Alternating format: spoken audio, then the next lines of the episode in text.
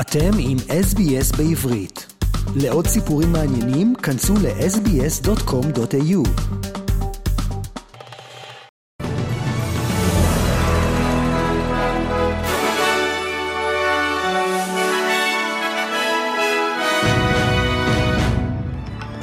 חדר החדשות של SBS והרי עדכון החדשות והלחימה בישראל נמשכת והטרגדיה בעזה בה נהרגו שלושה חטופים מירי שוגג של חיילי צה"ל.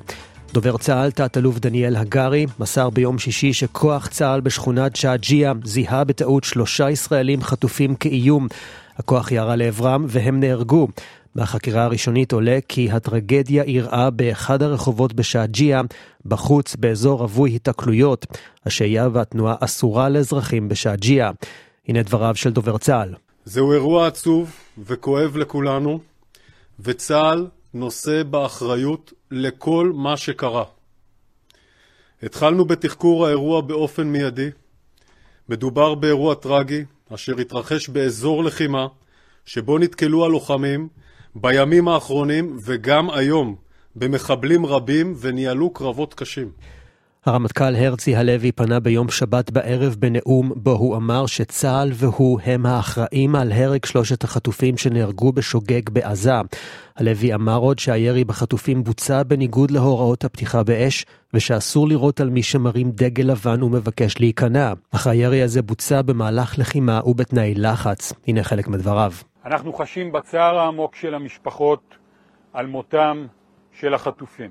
צה"ל ואני כמפקדו אחראים על מה שקרה ונעשה הכל בכדי למנוע הישנותם של מקרים כאלה בהמשך הלחימה. ונעבור ללחימה בצפון ישראל. מטוסי קרב של חיל האוויר תקפו שורת מטרות של חיזבאללה, ביניהן מבנים צבאיים, עמדות שיגור ותשתיות טרור. מדובר צה"ל נמסר כי בשעות האחרונות זוהו מספר שיגורי רקטות ונ"ט משטח לבנון לשטח ישראל. עשר רקטות וטילים שוגרו בסך הכל לאורך היום מלבנון למרחב הגבול בצפון, כמחציתם יורטו על ידי הכוחות. בחיזבאללה לקחו אחריות שש פעמים על ירי לעבר שטח ישראל מאז בוקר יום שבת. צה"ל תקף בארטילריה בשטח לבנון. בנוסף, צה"ל תקף מוקדם יותר שני חשודים שפעלו במרחב שיגור מוכר של חיזבאללה בלבנון. דובר צה"ל התיר לפרסם כי חייל מילואים נפל בפעילות מבצעית במרחב מרגליות, כאשר נהרג מפגיעת כטב"ם נפץ ששוגר מלבנון. באירוע נפצעו קשה וקל עוד שני לוחמי מילואים.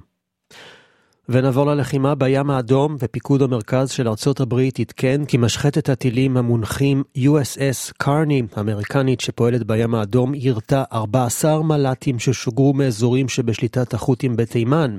בפיקוד המרכז מעריכים שהמל"טים כוונו לתקיפה חד-כיוונית, והם הופלו ללא נזק לספינות באזור או פגיעות כלשהן. חברת הספנות הצרפתית CMA-CGM הודיעה כי תפסיק להוביל סחורה דרך הים האדום בעקבות תקיפות גורמי הטרור, ובראשם החות'ים, על ספינות מסחריות באזור. בהצהרה שנמסרה לתקשורת מטעם החברה, נמסר כי המצב מידרדר עוד יותר והדאגה לבטיחות גוברת. ולסיום, ראש המוסד דדי ברנע נפגש ביום שבת עם ראש ממשלת קטר באירופה. השניים דנו על חידוש המשא ומתן לעסקת שחרור החטופים.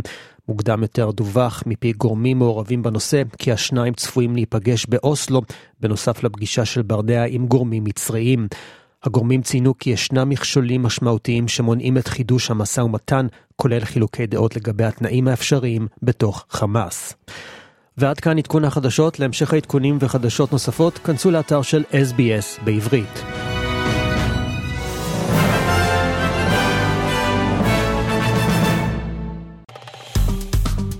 עקבו אחרינו והפיצו אותנו דרך דף הפייסבוק שלנו.